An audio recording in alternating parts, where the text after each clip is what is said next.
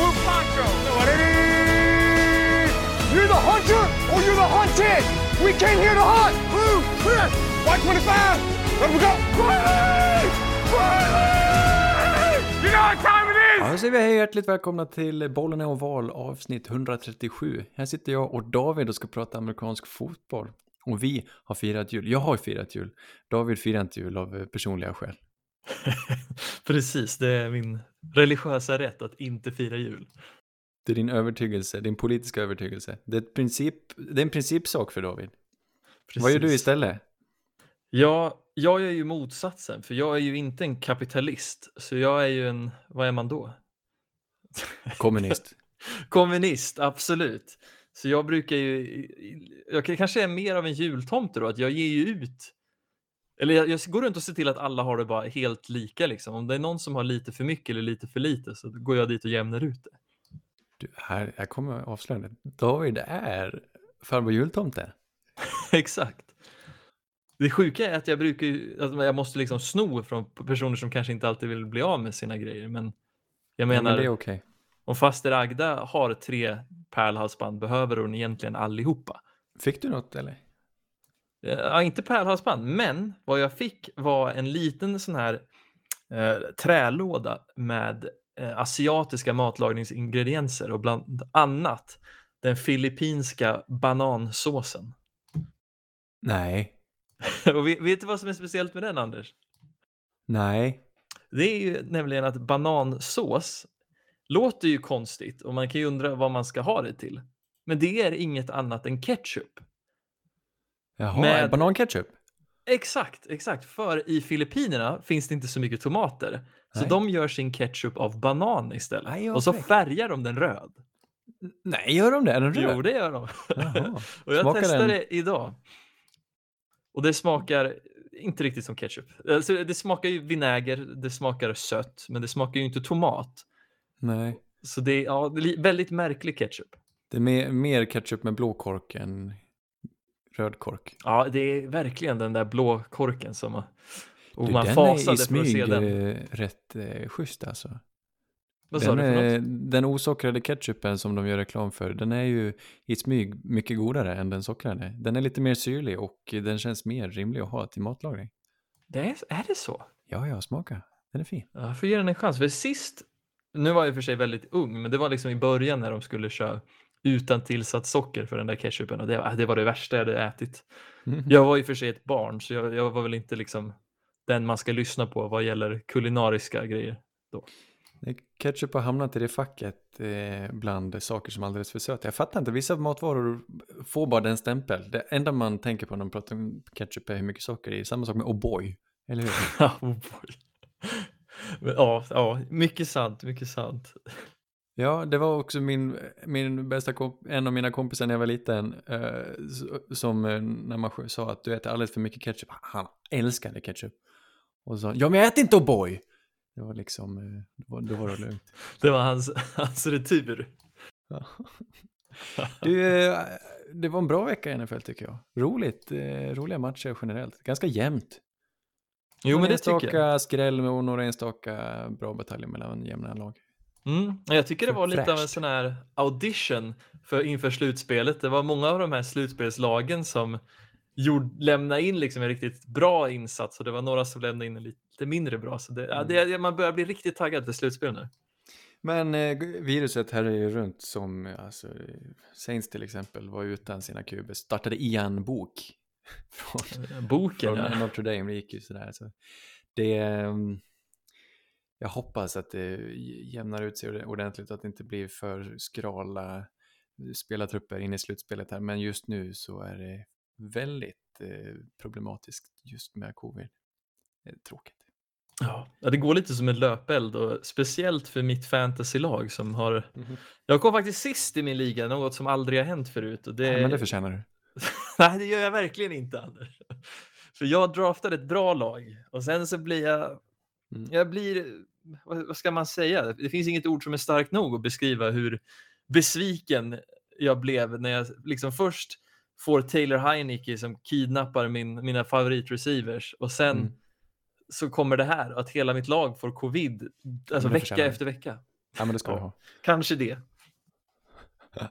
Nej, eh, Fort Niners åkte till eh, Nashville, spelade fotboll. Var favoriter med 3,5 poäng. Riktigt bra match här. Inte så många poäng.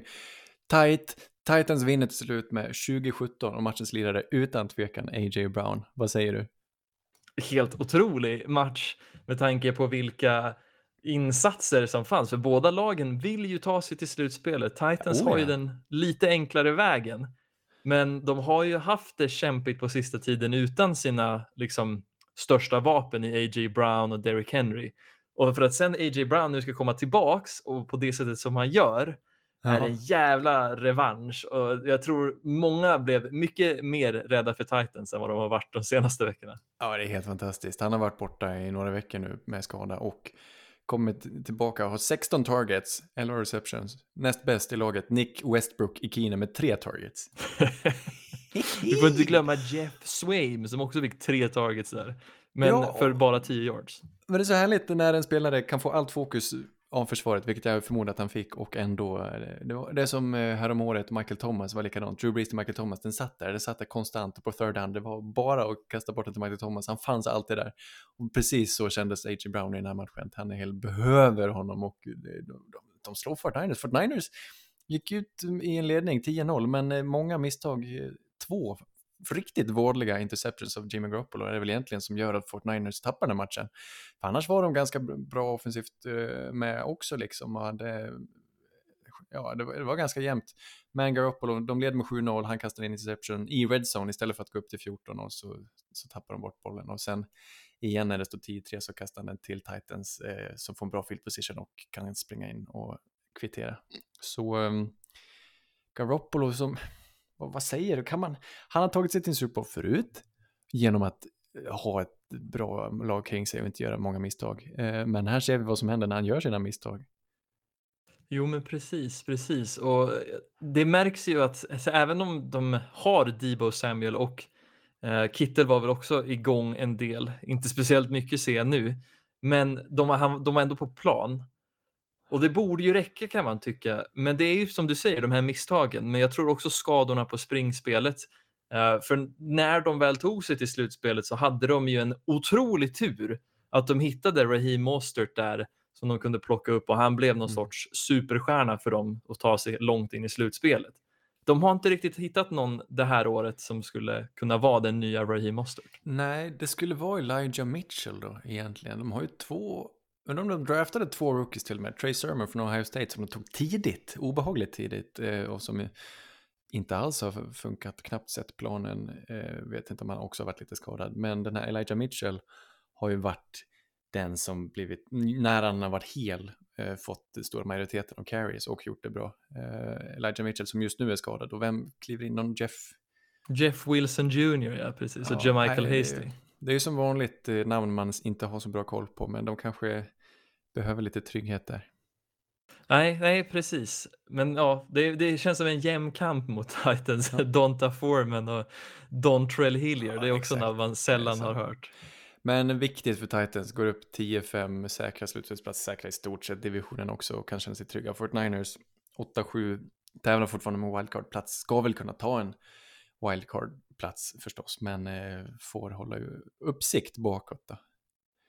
Jo, men precis, precis. Jag tror fortfarande att de kommer ta sig dit, men det verkar som att Jimmy Garoppolo har skadat sig någonstans på handen. Mm. Uh, han har väl som för avsikt att spela igenom det, men jag tror det kommer öka lite den här bakgrundsbruset av uh, folk som vill ha in uh, Trey Lance. Ja. ja, men det kommer en del lagom, säkert väldigt mycket under off-season också. Eh, Browns åker till Lambeau Field, möter Packers, åker på en snäv förlust tyvärr. Märklig match. Packers vinner med 24-22. Eh, le- leder tidigt, på, mest på grund av att Baker kastar flertalet interceptions. Har han fyra stycken i matchen? Stämmer. totalt. Eh, och flera stycken tidigt, alltså riktigt vårdligt, riktigt märkligt. Han sa ju inför matchen att han var lite, lite mer hel än han, vad han har varit de sista eh, par månaderna, men det, han kastar ju bort den här. Och i den match de inte fick förlora så gör de det ändå. Ja, nej, hemsk match av, av Baker och passspelet överlag, för jag tyckte några interceptions var ju definitivt hans fel, men det var, jag tyckte också man märkte att det ibland att det var receivers som gav upp på rutter och liknande. Ehm, det finns någon, han, tar, det, han, hans första interception tror jag är en djupledsboll till Donovan Peoples Jones i double mm. coverage. Och det känns som den enda som inte tittar på bollen är Donovan Peoples Jones. så jag vet inte riktigt vad som hände där. Ja, nej, ja, han har ju inte så, så bra vapen heller. Anthony Schwartz, kul rookie ju. Eh, han blev ju draftad för att han var så himla snabb. Eh, mer en sprinter än fotbollsspelare, men han verkar kunna, han verkar ha händer som fungerar och vara viktig för dem i den här matchen. Han vill en touchdown. Precis, precis. Även deras eh, rookie Harrison Bryant, eller det kanske var under Cole Andra Kemet-draften. Precis, mycket Aj, sant, mycket sant. Jag minns att vi pratade om han och Cole Kemet något år.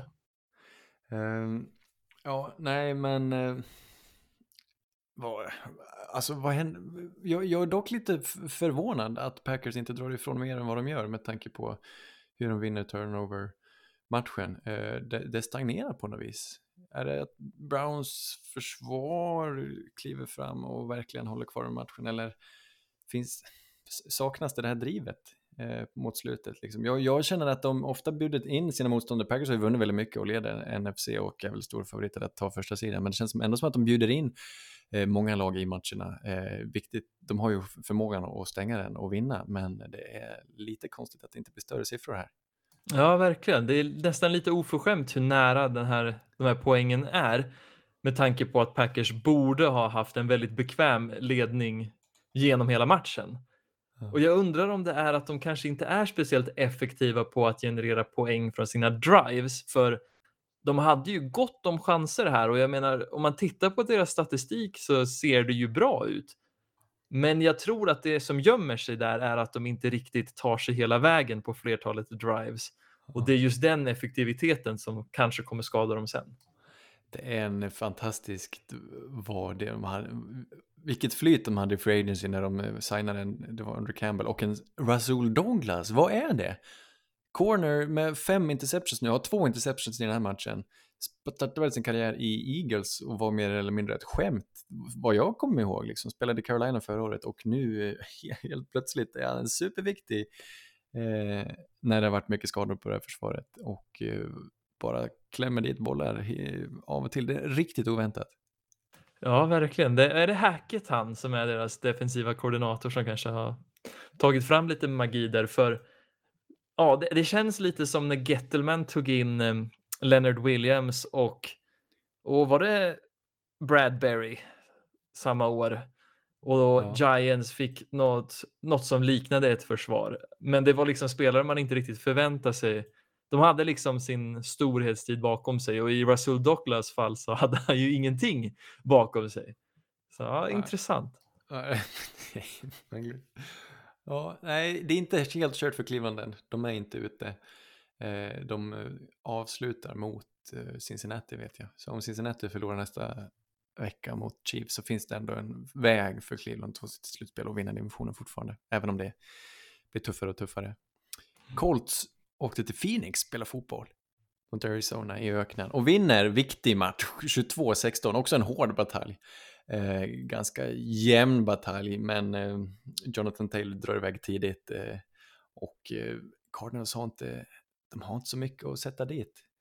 Eh, ro, ro, bästa tillfället i matchen det jag måste märka på är ju att Cardinals har gjort en helt fenomenal punt return där de eh, fejkar och eh, låtsas att bollen går till höger så de drar dit hela, hela Colts eh, special teams-gäng medan eh, mm, Byron Murphy springer till andra sidan och fångar bollen och drar den tillbaka för, tror de landar på eh, Colts 40 yards linje. Det är kul att se när sånt funkar. Det är så, det är så, det är så barnslig, så barnslig taktik på något vis. Eh, och det ser hemskt ut när det inte funkar, men den här gången funkar det. ja, verkligen. Ja, ja, den här matchen överlag var väldigt spännande för det känns som, ja, jag vet inte vad man ska säga, för jag tycker Colt står ju för sitt, de, eh, vad ska man säga, de lunkar på medan Cardinals är det här frenetiska laget och det är så märkligt att jag har ju gått runt och väntat på att det ska ske något liksom bortfall av spelartalang som kommer få det här ja, till synes ostoppbara anfallet att sluta fungera. Och det verkar ju som att det var James Conner i slutändan, för jag är lite förvånad att det gick så pass dåligt den här matchen, även om Colts försvar är väldigt bra. Ja, ja de, de, precis, de kan inte hantera de här skadorna. Både att eh, han är borta och att Nuke är borta, då, Hopkins. Eh, och de, tapp, de tappar sin center också, han var skadad den här matchen. Deras all pro center. Jag, för, jag är mest besviken på Cliff Kingsbury och hur, hur de har fallerat de sista matcherna och hur de inte kan det har varit ett tema sedan han kom liksom. Sent i matcherna så vet de inte vad de ska göra. Här så är de, ligger de under med två scores och det är typ tre, fyra minuter kvar och de långsamt liksom tragglar sig fram, har en lång drive, avslutar med ett field goal och sen är det bara 40 sekunder kvar och sen lyckas de inte med en eh, onset kick. Istället för att köra tempo och försöka få två scores tidigt. Det är, lik, det, det är så ofta, det ser ofta förvirrat ut. Det var ju som när de kastade bort matchen mot Packers där på sista spelet, också till Rasul Douglas eh, för några veckor sedan. De ser stressade ut i viktiga situationer sent i matchen och så kan man inte ha det. Det är helt orimligt. Nej, precis. Vi pratade ju om det här att det var en audition för slutspelet och i den här bataljen så tycker jag ju liksom att Colts kliver ju fram och visar den här disciplinen som Frank Reich införde i Indianapolis som får en, fick en att tro att det här är ett lag för slutspelet. Och det var väldigt mycket frågetecken kring Colts inför säsongen, men jag tycker att de har ju tystat alla dem och man är ju man ser ju definitivt Colts som ett slutspelslag medan Cardinals klev in med många frågetecken, tystade dem fort med sin briljanta säsong nu under regular season. Men nu på slutet så vacklar de och det är lite oförklarligt och jag tycker det är ganska talande om vilken skillnad det är i kaliber just på tränarstaben mellan Indianapolis och Arizona. Nej, men jag, jag håller med. Det är det som fäller avgörandet i en annan, i en annars faktiskt väldigt jämn match. Jag tycker inte Kyler Murray spelar dåligt. Eh, roligt för Colts att Michael Pittman, receivern, andraårsreceivern från USC, eh, faktiskt eh, tar över nu och eh, är eh, precis vad de har hoppats på. De har ju tragglat länge och draftat en del receivers och hoppats kunna hitta nästa T.Y. Hilton, eh, någon, någon som kan leda laget och Pittman är den här, också nummer 11, precis som A.J. Brown som som han vände sig till på third down eh, och har några viktiga conversions. Jo men verkligen, jag var verkligen inte beredd på att han skulle ta det klivet fram, men han har ju stadigt blivit bättre och det är väldigt kul att se och speciellt efter alla de här misslyckade försöken. Jag vet, vi kan väl kanske stänga kapitlet för Paris Campbell nu, Ohio State eh, receivern mm. som verkar spendera mer tid hos eh, sjukgymnasten än på plan. Han var, ja, han, var, han var en sån här typisk eh, Senior Bowl-hjälte, combine-hjälte som åkte fram sent i processen och draftades alldeles för högt och inte har funkat. Ja, kort om Ravens hos eh, Bengals där, där Bengals krossar Ravens och alla pratar om det. Joe Burrow har en eh, av en historisk match, kastar över 500 yards och Bengals tvålar dit ett Ravens som är så pass skadedrabbade att de startar sopgubbar nu på sitt secondary. Det, det är inte konstigt att det rinner iväg på det här viset, men eh, det är kul att få se Joe Burrow eh, verkligen koka. Ja, det är verkligen. Och det här anfallet är speciellt. Just nu så har vi nått så pass långt att Joe Mixon har 1000 yards totalt rushing på säsongen. Vi har Jamar Chase med 1000 yards receiving och T. Higgins som den här matchen kliver in och får 1000 yards också. Och det saknas bara en grabb och han behöver 200 yards och det är Tyler Boyd. Och mm. Jag tycker det är väldigt symboliskt för hur bra det här anfallet är. Mm. Men jag tycker att det skymmer det som oroar mig lite med Bengals som är deras försvar för att ge upp 21 poäng mot, som du säger, sopgubbar som är styrda av Josh Johnson som har spelat för alla lag någonsin. Ja, det har han. Det är pinsamt. Han, han spelade för Cardinals medan de var, var i Chicago. det var han så? Med sen, ja visst, han har varit med sedan 30-talet. Nej men Josh Johnson, ju... eh, legenden Vad? från University of San Diego som har varit runt i, är det 14 NFL-lag? Och Stämmer. Eh, harvat i varenda farmarliga som har funnits också. Eller vad man ska säga. Han var ju med i Alliance of American Football och han var i XFL och han, han var ju någon tidigare där också. Så, och han har väl startat för Jets i år? Det har han kanske? Ja, det, hans, när Mike White spelade dåligt så lät, lät de Josh Johnson spela. Alltså det är ju på riktigt. Det här är hans andra lag han startar för. Det är helt fantastiskt. Han, måste, han är ju verkligen förkroppslingen av den här Blue Mountain. Kommer du ihåg serien? Hette den Blue Mountain State? Eh, nej, jag vet inte. Jag känner inte igen det. Nej, en humorserie, väldigt, väldigt lik American Pie som där man fick följa då Alex Moran som var den här. Han var backup QB i det här colleget och det var enligt han den perfekta rollen för den var tillräckligt viktig i relation till hur lite han gjorde. Ja. Och det känns som, ja, i och för sig Josh Johnson kanske vill spela, men att han har överlevt sedan 1960 och bara Ja. och spelat backup quarterback är Ja. imponerande. Joe Burrow med fyra touchdown och 525 yards. Bengals vinner matchen med 41-21. Rekordet slår han dock inte. Vet du vem som har rekordet för flest passing yards i en match? Peyton Manning? Nej. Rekordet Dan Marino? har... Nej, nej, nej, nej, nej. Rekordet sattes 1951 av Norm just van det. Brocklin med 554 yards. Och ingen har Just slagit det det. sedan dess. Det är helt bisarrt. Det är också väldigt, väldigt tidigt efter att de introducerade framåtpassen. Tror det kan vara därför. inte. Nej. Det- Men, nej, det, ja, Det är bara något år därefter, det vet jag.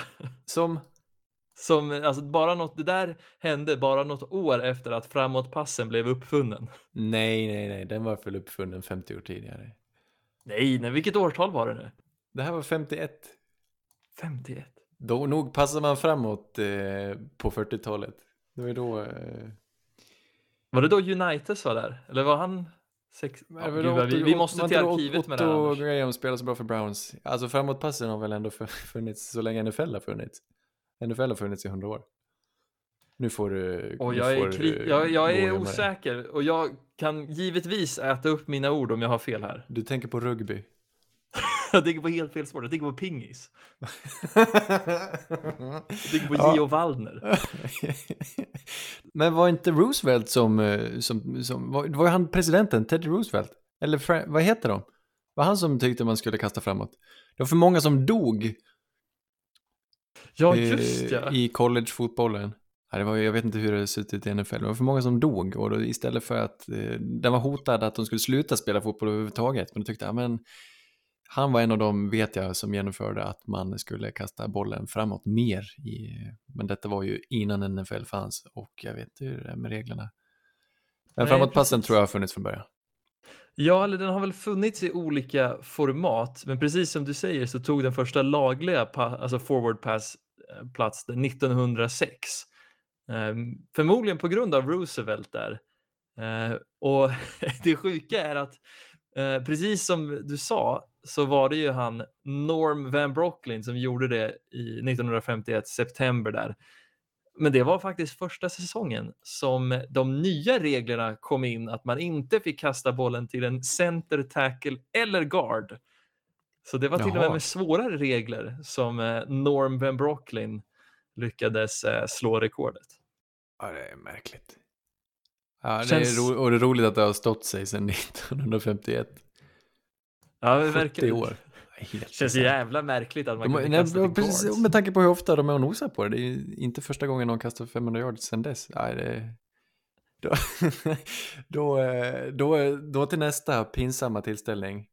Det här hade inte jag förväntat mig. Att Houston Texans på hemmaplan slår Los Angeles Chargers med 41-29 och Davis Mills har en brakmatch och ser bättre ut än både Trevor Lawrence och Zach Wilson har gjort i år.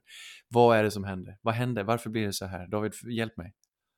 Jo, men det är väl givetvis så att vi alla hade fel i draftprocessen när vi utvärderade Nej. quarterbacksen. Ja, Det var ju Stanford-killen som var den bästa och nej. vi sitter ju alla här med långnäsa medan Houston Texans skrattar belåtet över sitt block. Men nog blir man lite, alltså nog blir man lite orolig. Man ska ju alltid vara försiktig tidigt, men att varken Lawrence eller Wilson har visat i stort sett något, trots att de har startat i stort sett hela säsongen, det är, det, det, det är absolut att eh, de kan hämta sig och bli eh, världsmästare, men det är lite märkligt att Davis Mills med ett absolut, han sitter i om möjligt ännu sämre situation. Han har ingen bra offensiv linje, han har inga bra receivers att kasta till.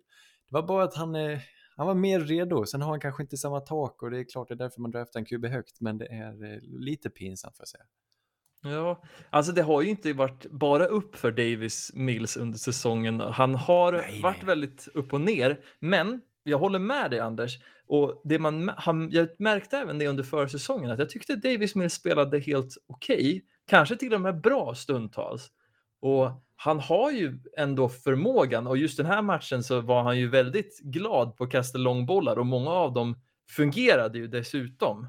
Ja. Eh, men jag undrar också varför de fungerade. Det känns som att någonting inte riktigt stod, till, stod rätt till här med det här Chargers-försvaret. Nej, också att Brandon Staley som ny head coach och defensivt geni inte kan få till ett rimligt försvar. Det har gått rätt lång tid nu och eh, att bli mosad av Davis Mills så här sent in på säsongen när du har slutspelsaspirationer, det är oroväckande och eh, det behöver investeras ordentligt i det här laget. Det är för dåliga spelare, mycket, mycket i, i det tycker jag. Eh, och den här matchen är de utan Joey Bosa och kan inte skapa någonting. De läcker som ett såll i, på marken och funkar väl inte så bra i coverage heller. Alltså han har haft en hygglig säsong, Asante Samuel, deras eh, corner som de draftade från Florida State va? Eh, så jag ska inte klandra på honom, eh, men eh, det behövs, det behövs röra sig om i, i grytan här. Fyllas på på linjen och fyllas på, ja, fyllas på på alla nivåer egentligen. Ja, det, det känns som att det finns en hel del hål i det här Chargers-laget. Det är inte riktigt där, det där ideala, på pappret, bästa laget i ligan som det var under flera år när de Nej. konstant gjorde en besviken. Precis, nu viktar det mer över på det offensiva. Och Precis. det får de sota för i den här matchen. Ja, tråkigt. Um, utan, eh, ja, de var utan flera spelare. Mike Williams spelade inte, Austin Eckler spelade inte, undrar om det var covid som härjade den här gången också. Precis, Kenta Murray är inte heller här, men Nej. Jerry Tillery, Nasir Adderley är ju två av våra kära, kära spelare som ingen av oss har tyckt om speciellt mycket va? Nej, det har vi inte gått så bra heller. Det var deras två första plock i draften 19 måste det ha varit och eh, Stämmer. Tillery från Notre Dame har bara varit en besvikelse och Adderley från Delaware eller vad det var. Eh, fortfarande ja, det, det, var det va? Det var Delaware. Eller var det Savage? Nej, Savage var från Maryland och Adderley från Delaware. Stämmer, ja. stämmer. Vi, eh, vi lämnar det här. Eller vill du säga något om Rex Burkhead? Nej, 149 yards. Inget mer. Gamla ja, Patriots om, om Rex Burkhead. Ja. ja. Nej, pinsamt att de låter Rex Burkhead springa så på dem. Ja. Eh, en annan pinsam eh, tillställning hade Matthew Stafford faktiskt. Trots en vinst 30-23, Rams vinner över Vikings i Minneapolis, så, så lämnar man den här matchen med en bitter eftersmak och undrar vad Matthew Stafford höll på med. Han hade en usel match, kastade bland annat tre interceptions och de lyckas vinna ändå, bland annat tack vare en eh, punt return touchdown. Eh, men vad är det, vad, vad, vad gör han? Ja, han ville nog förlora den här matchen för det kändes ju som att Rams hade matchen bekvämt. Eh, då gick inte de upp i en ledning runt 21 eller något sånt där. 21, no, ja. 2010 står det. 2010, väldigt tidigt. Eh, och sen så kommer Vikings tillbaks. Och det är ju sent i matchen som de här interceptionsen händer, vad jag vet. Och det, det är ju inte bra. Det, det tycker jag inte om att se. Nej, nej. Um, men det är väl bra att få den här skiten ur sig. Han kanske, vad heter det, han, han josar. Ja. Han har druckit massa juice och så, det här var liksom, du vet när du ska, han detoxar. Då dricker man juice och sen bajsar man ut en liten klutt. Och det här var klutten. Och nu kommer han ut fräsch nytänd på andra sidan och eh, tar Ramstein Super Bowl. Så ja. tror jag att det blir. Mycket möjligt. Det, han kanske har sett den här Tua Tagovailoa-statistiken där och efter en interception i andra halvan så har Tua Tagovailoa varit helt amazing för efter halvtid där så kliver ju Stafford ut och kastar en interception.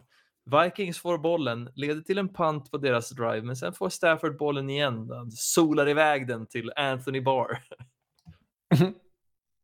Så han kanske, han kanske håller på att ladda upp nu för att nästa match kommer han vara felfri. Ja, Alla turnovers har han fått ut nu. Definitivt. Bör nämnas att Aaron Donald är lika dominant som vanligt. Eh, Ja. Talas inte om det och han är ju en, eh, han håller på att bli en av de bättre defensiva spelarna som den här sporten någonsin har sett. Men det är inte ens säkert att han vinner defensive player of the year i år för att eh, man, är, man har tröttnat lite, man har vant sig. Ja, det är lite sjukt att man inte pratar om han med tanke på att det är ju en nästan lika bra säsong som förra året. Ja visst. Och istället så pratar man om TJ dess. Watt. Och innan dess. Ja, ja, exakt, exakt. Även fast Donald gör det som han alltid gör, år ut, år in. Men man vill ha något nytt och TJ Watt har haft en monstersäsong och det är klart han förtjänar den. Eh, det, det, det, det roliga, det, det som är kittlande här är att Micah Parsons eh, har bud på att ta hem den här titeln. Ingen rookie har någonsin vunnit Defensive Player of the Year. Micah Parsons eh, skulle kunna göra det. Det hade varit väldigt magiskt och jag, Vilken säsong! Jag undrar hur narrativet ser ut, för båda har en väldigt bra story, men det känns som att hela media vill att TJ ska vinna. Men Ja. är inte Parsons mer förtjänt med tanke på att, Nej, men- Åh, jag vet inte. Jag, tycker TJ är förtjänt. Synd, alltså, det vore synd om han skulle gå en hel karriär med tanke på hur, vilken nivå han spelar på. Gå en hel karriär utan eh, att ta Ja, hem mycket sant. tiden. Jag tycker den kan få hans i år. Parsons, han har lång tid framför sig. Eh, roligaste resultatet det är att Bills vinner över Patriots 33-21 i Foxborough. Vilken match, vilken glädje, vilken tung vinst. Bills går upp och tar kontroll över divisionen. De leder nu AFC East igen, de tappar ju den tidigare eh, mot Patriots och Josh Allen med en signaturvinst. Vilken melodi, vilken match det blev! Ja, jag såg ju den här matchen med mina två kusiner i famnen. Gjorde det? Jajamän. Jag tittade dessutom med svensk, kom, svenska kommentatorer och det, som sagt, jag hade ju väldigt mycket runt omkring mig och jag fick lära mig att det är viktigt att, ha, ja, att veta skillnaden mellan Roblox och Minecraft. Det är väldigt viktigt, annars så Gud. får man skäll av sina kusiner. Jag satt också i soffan med en eh, pjodd och tittade på Roblox när han spelade. Jag, jag, jag, var, jag fattar. Jag fattar, alltså jag fattar, man, då känner man sig gammal. Jag fattar ingenting. Jag förstod inte poängen. Jag förstod inte vad som hände. Nej, det känns som något fattigt Habbo hotell fast typ. med 3D-värld. Det var liksom en tredje värld, men det, väggarna, de kunde gå igenom väggar och för, jag, jag hade liksom, jag var, blev bara förvirrad. Och det fanns, ingen, fanns inget mål med det liksom. Men han hoppade runt i olika servrar, olika världar och typ gjorde squats med sin gubbe för att han skulle kunna dra eh, och gå vidare på andra sidan väggen. Och där så skulle han dra något annat för att kunna gå vidare på andra sidan väggen. Och det var, fanns ingen poäng med det riktigt. Jag var, det var så märkligt. Men å andra sidan, jag, han, är, han är sju och jag är 27. Så det är, Precis, det är en annan det, värld. Det fanns ju garanterat samma händelse. Vad var det vi pysslade med när vi var små som ingen vuxen fattade? Var det Cartoon Network typ? Titta på, Ja, cow and Courage. chicken. Ja, Courage och Cow and chicken. Var det Nickelodeon som hade alla de här trippade showerna med katthund också? Ja, det är bra. Det är, det är bra. Tackar Apropå det. Björnes magasin. Ja, lite vanlig hederlig Jörgen. folkhems barnprogram. Lans. Ja, i och för sig ganska potent också. Nej men Bills, det jag tar med mig härifrån, inga punts. Det är första gången sedan Bill Belichick eh, tog över som head coach i Patriots som ett lag inte pantar mot New England. Ja, han var magisk den här matchen. Det var alltså he, ma, hela matchen. Jag när jag tittade på den här så var jag lite så här sömnig som sagt. Och det tog ett tag innan jag insåg att vänta nu, de möter New England. Det är en divisionsrival. Bill Belichick brukar äta de här till frukost. Mhm. Och Josh Allen, han är ju 99% av sitt lag. För varenda gång som det blev hårigt, då var det Josh Allen som tog dem ur knipan. Och Ja. han ger ju verkligen bud för, alltså det känns lite sjukt att man har blivit så bortskämd att man nästan tar för givet hur mycket Josh Allen gör för sitt lag. För det var inte självklart för några år sedan. Nej, gud, från Wyoming.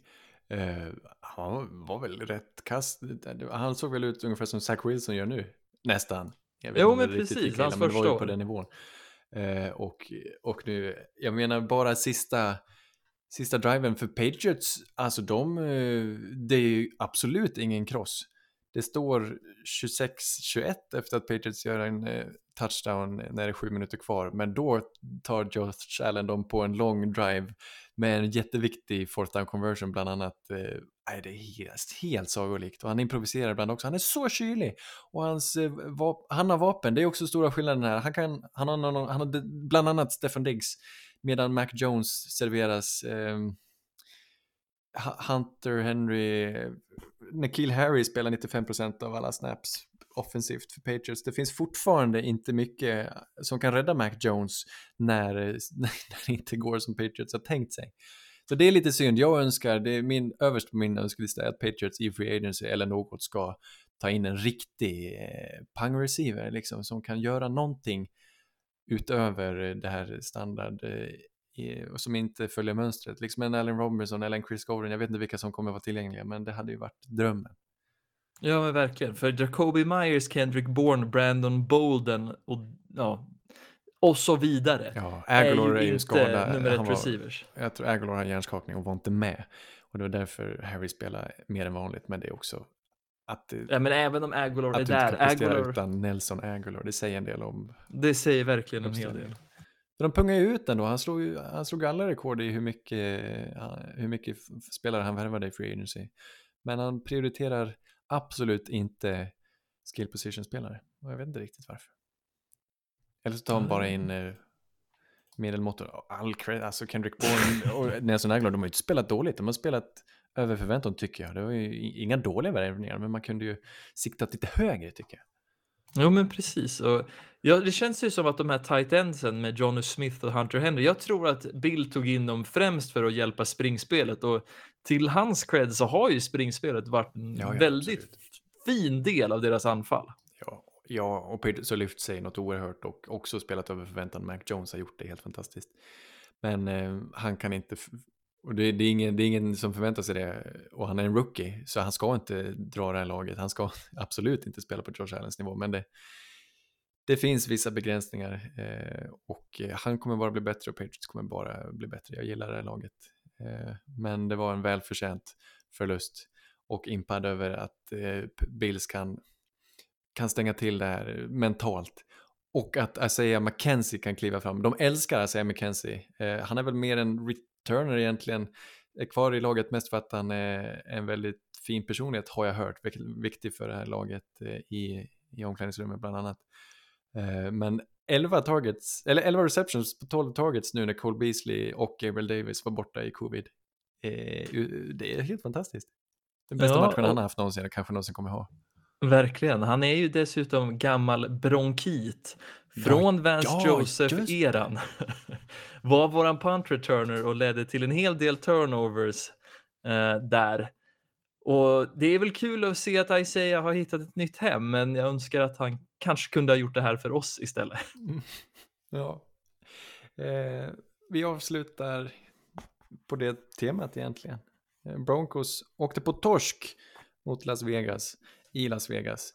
Märkligt. Eh, vi har ju berömt eh, deras springspel, deras eh, tandem här med Javante Williams och Melvin Gordon, Denver, hela året. Men den här matchen har de tillsammans 18 rushing yards. Hur kan de inte skapa mer? Vad hände? Ja du Anders, jag vill börja med att dra en referens till Färöarna där det är, det är mycket fiske som försiggår på Färöarna. Så de har alldeles för mycket fisk för alldeles för lite folk. Så då har de då infört den här eh, traditionen med att de kommer dela ut torsk och lax till folket och det, den som gör det är då Torskmannen. Och det är lite så min relation till Broncos har varit den här säsongen, för det har verkligen varit lite som en torskman har gett mig torsk på regelbunden basis. Och den här matchen så fick jag torsk utav råge. Det var den finaste torsken man kan få med tanke på att äntligen så är Teddy Bridgewater borta. Jag får chans att se Drew Lock och jag är väldigt taggad för att sen se Pat Shermer, kanske på beställning av Vic Fangio som verkar hata Drew Lock, mm. eh, tankar matchen totalt med den sämsta gameplan man någonsin har sett. Ja. 17 yards med den här running back-duon. Jag förstår inte. Nej, Nej, jag är, jag är också, det här var en match ni, ni bara skulle vinna. Istället så eh, sveper Raiders Broncos, vinner båda divisionsmatcherna den här säsongen. Och Broncos, det sista strimman hopp de hade med att spela slutspel, den kanske har släckts, eller? Det är mycket, alltså de, de har inget att göra i slutspelet och det jag, jag vill bara att den här säsongen ska vara över, att vi ska sparka Vic Fangio ja. och hela hans stab. Ja. Och ja, grädden på moset är ju att Drew Lock den här matchen, det var ju ingen supermatch av Drew, men inga turnovers. Viktigt med tanke på att det var hans största svaghet förra året. Eh, får en PFF-score som är över någon av Teddy Bridgewaters matcher den här säsongen. Alltså vad roligt. 88.0. Cool. Det är orimligt. Ja, ja nej, jag förstår. Nej, jag, jag, jag, kan, eh, jag kan hålla med dig. Det är nytt blod. Jag förstår, det är tråkigt, men Vic Fangio kanske helt enkelt måste ut med tanke på hur dåligt de har spelat offensivt eh, de här åren. Eh, men det är fortfarande en kul, eh, lovande trupp och jag hoppas de kan hantera QB-situationen bättre. Jag, på tal om Färöarna, jag tycker vi tar en snabb titt på hur det ser ut nu inför playoff igen. Packers ser ut att säkra sin plats som första sidare. Jag ska bara få fram rätt flik här. Och eh, framförallt Eagles stärker eh, sin plats. Eh, Eagles och 49ers och Cardinals har just nu wildcard-platserna i NFC. Känns det rimligt? Eh, ja, varför inte? Eagles har ju gått från klarhet till klarhet Eh, även om de verkar hata att kasta bollen till Devante Smith eh, och tillhörande receivers. Mm. Ja, ja, jag vill se mer från Eagles, men jag tycker de är det bästa valet för den här sista platsen av de som är mm. i NFC just nu. Och i AFC är det tufft ju och just nu den sista wildcard-platsen hålls faktiskt av Miami Dolphins som har vunnit, har de vunnit sju raka matcher. Stämmer. Första laget någonsin att eh, i samma, under samma säsong ha förlorat sju raka och vinna sju raka. Det är, det är rätt fantastiskt. De slår Saints eh, i natt då, där Ian Book kliver fram och blir krossad. Eh, och kan, eh, om de vinner sina resterande matcher, ju eh, ta sig vidare. Annars är det ju på åtta vinster ligger både Dolphins och Ravens och Chargers och Raiders. och vi har redan pratat om att Browns fortfarande har chans vilket Steelers också har. AFC North är inte avgjort än. Och Broncos står där med sju vinster också, men har kanske lite svårare. Det är hårt. Jag får jag önska mig, vill jag ju fortfarande se Chargers, men det känns lite surt nu med, efter den här förlusten. Man kanske ändå inte ska unna dem en plats i slutspelet. Nej, det är väl mellan dem och Dolphins det väger för mig, för jag tycker Dolphins eh, det är lite kul ändå. Vi pratade ju tidigare i säsongen om att man kan alltid lita på bra tränare och Brian Flores verkar ju ha kommit tillbaks med råge. Eh, den Flores vi såg förra året när han tog ett ja, ganska talangfattigt Dolphins på en resa. Eh, jag vet inte vad jag vill se här. Jag tycker ta, Tua Tagovailoa är väl spännande, men laget runt omkring dem på anfallet vill jag inte se i slutspelet medans eh, Chargers har ju den här bländande talangen Herbert, kan inte det, är det inte så att när en bra quarterback kommer till slutspelet då tar han fram allt. Han lägger upp allt på bordet ja, och så får man se vad som händer. Men nu tycker du taskig mot Jalen Waddle. Han är ju en supertalang. Han Superstjärna ju... i Miami. Han har allt de kunde önskat sig. Men att det var inte Parker och att Will Fuller verkar, ja, precis som Paris Campbell, spendera mer tid hos sjukgymnasten än på plan tror jag är en väldigt stor anledning till att Dolphins känns lite otippbara. Deras offensiva linje är också ja, big, big popo. Den är kass, plus att de möter nästa vecka Nash, eller Tennessee i Nashville och slutar hemma mot Patriots. Så de det vore ett hjältedåd utan dess lika om de faktiskt tar ett slutspel. Jag tror inte de klarar det. Men det är en jävla resa dock. Jag, jag, vill se, jag kommer följa Dolphins noga just på grund av att de möter två svåra lag. Ja. Och det hade varit så jävla kul att se om de vann dem. Ja, Chargers och Broncos och sen Raiders. Eh. Kort om uh, Pro Bowl-lagen som ju har annonserats. Eh, ja, just det. Har vi, har vi något att bli arga över? Ja, egentligen inte så mycket i år. Jag tyckte det var ganska hyggligt. Jag blev mest glad över att Kenny Moore från Colts eh, är med. Jag tror Colts är det laget som har flest spelare i Pro Bowl i år. Det var lite otippat. Men Kenny Moore, slot receiver där, jag älskar honom. Han är ju Lite underskattat, mycket av all hype går till Darius Leonard, deras linebacker, men det är ju Leonard och eh, och den här Kenny Moore som faktiskt driver det här försvaret framåt. Det var roligt. Ja, just- Slott eh, cornerback. Ja, Eh, förlåt. Förlåt. Ja, just det. Ja, corner, ja fan försvarare. Kenny Moore, han dyker ju upp under match väldigt ofta och det är så jävla kul att se att han får den här respekten som han faktiskt förtjänar. Också han som hjälpte eh, en, en främling, någon liten pojke med hans hund till veterinären för ett par år sedan. Det var en fin historia. Ja, det vill jag läsa mer av, det låter väldigt Ja. wholesome. Nej, men det, det som är mest uppseendeväckande är kanske vilka som spelar QB i AFC. Justin Herbert, okej, men sen eh, Patrick Mahomes och Lamar Jackson går till Pro Bowl i år trots eh, minst sagt eh, vacklande säsonger.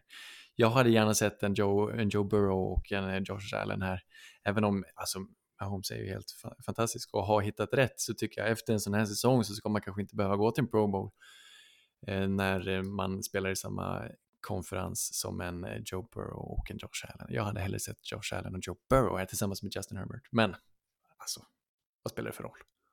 Nej, precis. Jag känner väl likadant att Mahomes kanske skulle ha hamnat ur i år. Eh, Lamar Jackson känner jag ändå att det finns en hel del historier som eh, liksom den här säsongen har som inte går att berätta utan Lamar. Därför platsar han enligt mig. Men om du hade bytt ut han mot en Josh Allen istället så hade jag inte blivit arg. Men Joe Burrow ska definitivt vara där. Ja. Och sen lite märklig, en en jag saknade, AJ Terrell, cornerback, eh, Falcons, som ju drabbad av att spela på Falcons försvar, men eh, är den draftens bästa corner just nu och eh, håller på att bli en riktig storstjärna, AJ Terrell, som ju spelade i Clemson, draftades förra året. Det tycker jag är roligt. Ja, oväntat, för det är väl han och Trayvon Diggs som är samma draftklass? Jajamän, och Diggs, eh, Diggs är med i år och det, det förtjänar såklart med 11 interceptions. Eh, spelade i Alabama. Och Mycket sant. den mest otippade måste vara att Dion Dawkins, left tackle från Buffalo, går till en Pro Bowl trots en eh, mycket medioker säsong. Men det, är- det, det är inte mycket tackle-talang på AFC-sidan just i år faktiskt. Rashawn Slater, rookie, bländande säsong, gör helt fantastiskt, spelar i Chargers och eh, förtjänar det. Och Orlando Brown är med här eh, från Kansas City. Men eh, annars kanske det är lite tunt. Det kanske inte är så konstigt att det blir en Dawkins. Någon ska ändå ta platsen. Ja, jag vet faktiskt inte vad jag tycker om det. Nej, jag tror det finns bättre tackles Aj, där. Den skulle Eh, gått till eh, Slottman. Slottman, exakt. Jag hade velat se Michael Onwenu få den faktiskt, eh, med tanke på hur rolig hans resa har varit som linjeman i NFL och från vart han kom. Just. Jag tycker vi ger den till Alex Leatherwood. När är- ska Leatherwood komma undan? Alltså, kan, han, han går ju bara runt och väntar på att ingen ska liksom nämna att han blev draftad i första rundan av Raiders. Nej, Raiders fort, alltså det, är helt, det, var- det var så roligt. Vi, jag minns, vi satt och tittade på draften och så flabbade vi när de plockade Leatherwood i första rundan. Eh, tackle från Alabama. Eh, han kunde inte spela tackle och så fått eh, hoppa in och spela guard, men han kan inte spela guard heller. Han har haft en brutalt dålig rookie-säsong och eh, hopp. Nej, det lär bli bättre annars kommer han inte få vara kvar. Nej, det är, det är lite sorgligt vad de har kastat bort sina första runda picks.